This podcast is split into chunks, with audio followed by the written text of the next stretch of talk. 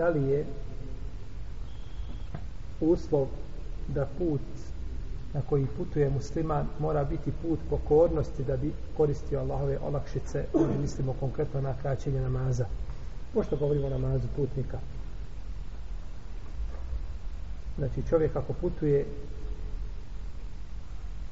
u pokornosti Allahu ima pravo da krati no međutim ako putuje u nepokornosti kakav je propis?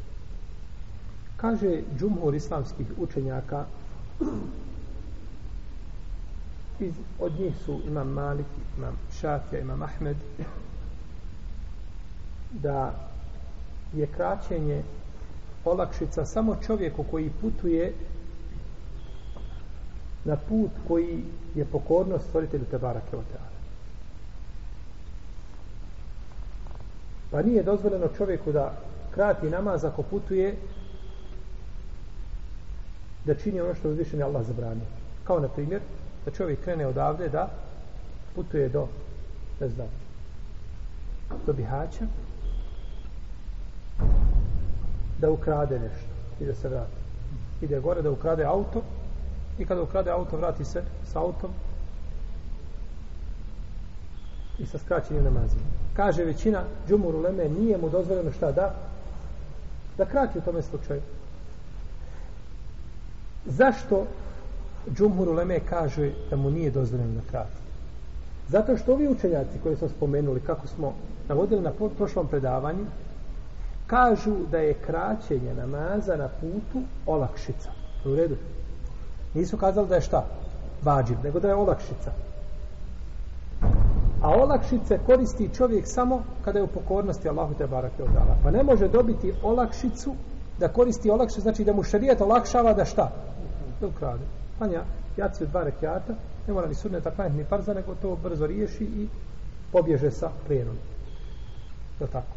A šarijet je došao da olakša bogobojaznom čovjeku koji je u pokornosti Allahu te baratela, a nije došao da olakša. Znači, i u tome je korist. Kome?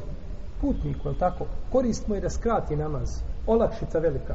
Pa bi time bio čovjek, znači, potpomognut i bila bi mu, znači, bilo bi mu olakšano, znači, činjenje nepokornosti stvoritelju te barake Pa ne može, znači putnik ne može putnik kratiti namaze osim ako putuje na put koji je pokornost Allahu te barake o ta'ala po mišljenju većine islamskih učenjaka.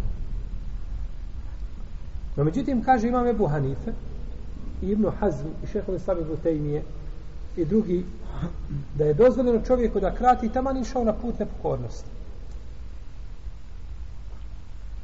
Jer je on putnik. Je li putnik ili nije putnik? Jeste. To kojim ciljem ide, to je druga stvar. No, međutim, da li je kraćenje namaza vezano za put ili za nijet nekakav ili za vrstu puta. Vezano je za put. Kakav god put da bio, bilo avionom, bilo autom, bilo na devi, bilo po kišu, snijeg, bitno je da je šta? Da je put. Pa kaže imam Ebu Hanife, u ovome slučaju on krati. I zašto još ovi učenjaci kažu da on krati namaz? Molim? Da, bravo. Zato što je kraćenje namaza po ovim učenjacima odabrali su mišljenje da je to obaveza. Pa ta obaveza ne spada, ona je obaveza za njega bio čovjek na putu pokoran ili nepokoran, ona je obaveza za njega da šta? Da krati namaz. Kao što je obaveza čovjek u mjestu boravka koji je nepokoran da šta uradi? Da upotpuni četvrtjaka. Jel Znači, isti su. Isti su. Znači, obaveza jednom i drugom ista jer ga, znači, šarijet ga obavezuje time. I ovo je jedno mišljenje kod malikijskih učenjaka. Znači, da će svakako, da će svakako kratiti. Jer sjećate se predaje Ajše i Ibn Abbasa s prošlog predavanja, propisan je na nama, namaz na putu dva po dva, Pa je tako ostalo na putu, a dodano je na u mjestu boravka. Sad, pa propisan je namaz na putu koliko? Dva po dva.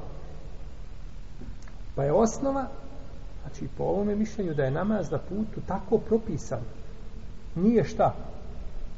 Pači da se ne radi o čemu? O, o, radi se o skraćivanju kad ga gledamo sa aspekta da na mjesto boravka klanja koliko?